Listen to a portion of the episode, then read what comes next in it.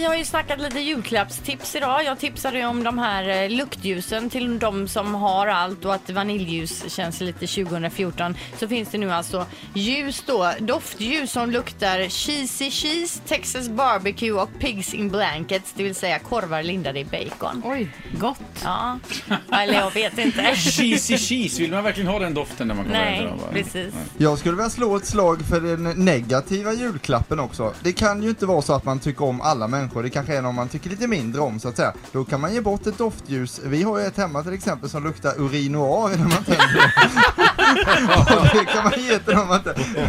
Vem har du fått det av? Nej jag vet inte, vi köpte det någon gång och sen så bara, vad är det som luktar?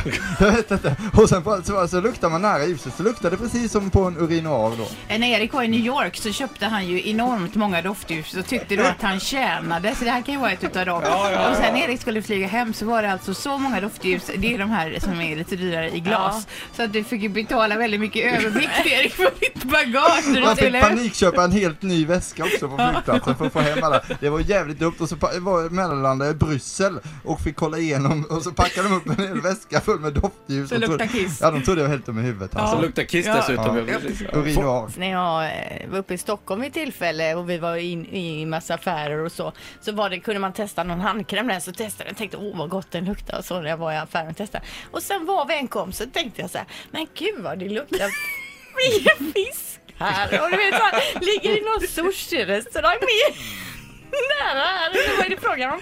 Och sen förstod jag att den här jävla handkrämen luktade ju typ sushi.